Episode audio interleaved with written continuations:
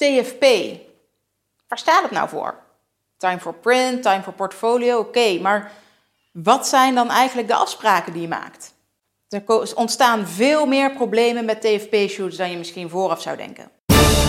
Charlotte, de social media jurist van Nederland. TFP-shoots. Nou, in de fotografie een super bekende term. Wordt dus ook heel erg veel gebruikt door fotografen. Zeker als ze nog hun portfolio op moeten bouwen. Nou, handig, maak je gebruik van modellen die ook nog een portfolio nodig hebben en zo wissel je eigenlijk een beetje portfolio's uit. TFP staat voor Time for Print of Time for Portfolio.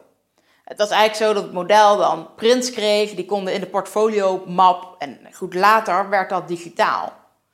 Het probleem is alleen een beetje dat de rest van de afspraken nooit zo duidelijk zijn geweest.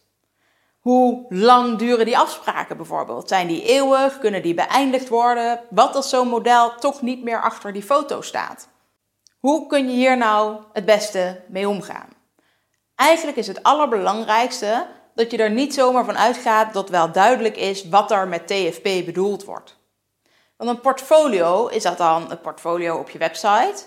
Of mag een model bijvoorbeeld daar, foto's dus ook inleveren bij een modellenbureau en mag het dus op de site van het modellenbureau komen te staan? Mogen zij daar de prints gebruiken om aan de wand te hangen of in een boek te gebruiken? Want in dat geval geeft natuurlijk het model eigenlijk ook weer een licentie aan dat modellenbureau. Dat moet je dus wel vooraf hebben afgesproken. En hoe zit het dan bijvoorbeeld met social media? Daar geef je ook een specifieke licentie aan, zowel als fotograaf als, als model. Ben je het daar wel mee eens met die licentie? En laten we wel wezen, wat er eenmaal op social media staat, dat gaat daar never nooit meer vanaf. Je kunt het er wel van afhalen, maar bijvoorbeeld de voorwaarden van Facebook zitten dan zo in elkaar dat ze zeggen: oké, dan wordt het bij jouw profiel verwijderd. Maar als het al eenmaal via onze deelknoppen gedeeld is met anderen, ja, dan blijft dat in principe wel bij hen op die profielen staan. We gaan niet na hoe het precies allemaal gedeeld is, waar het allemaal verder nog staat. We kunnen je niet beloven dat we het overal daadwerkelijk verwijderen. ook Facebook maakt natuurlijk van die foto's kopietjes, zodat de laadtijd van Facebook snel genoeg blijft.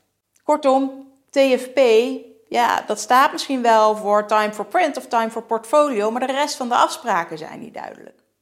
Zorg daarom dat je goed afspreekt. Wat mag het model met die foto's doen? Mag zij ze eventueel nog door een andere fotograaf laten bewerken. Of hij natuurlijk, een model kan ook een man zijn, of een genderneutraal persoon.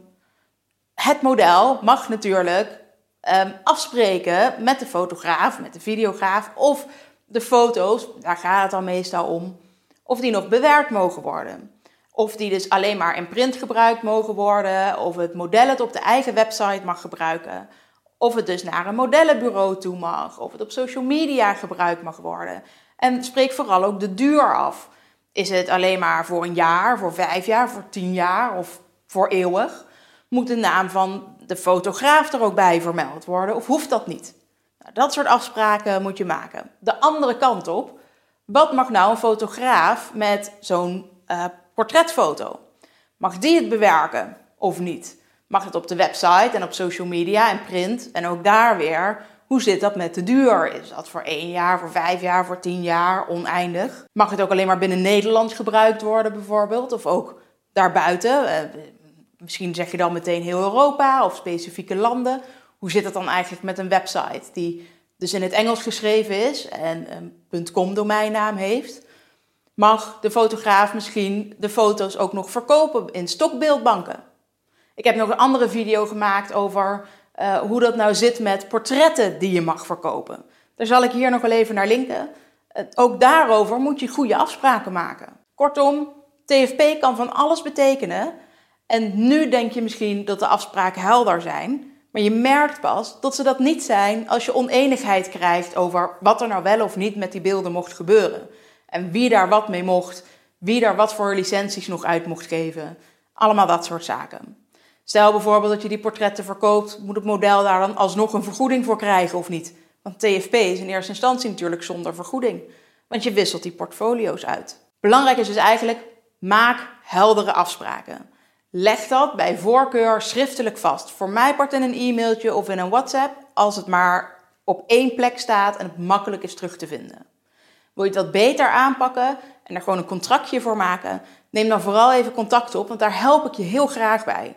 Het is zo zonde hoe vaak ik mensen krijg die bellen of mailen, teleurgesteld zijn in de afspraken die ze gemaakt hebben met een model of met een fotograaf.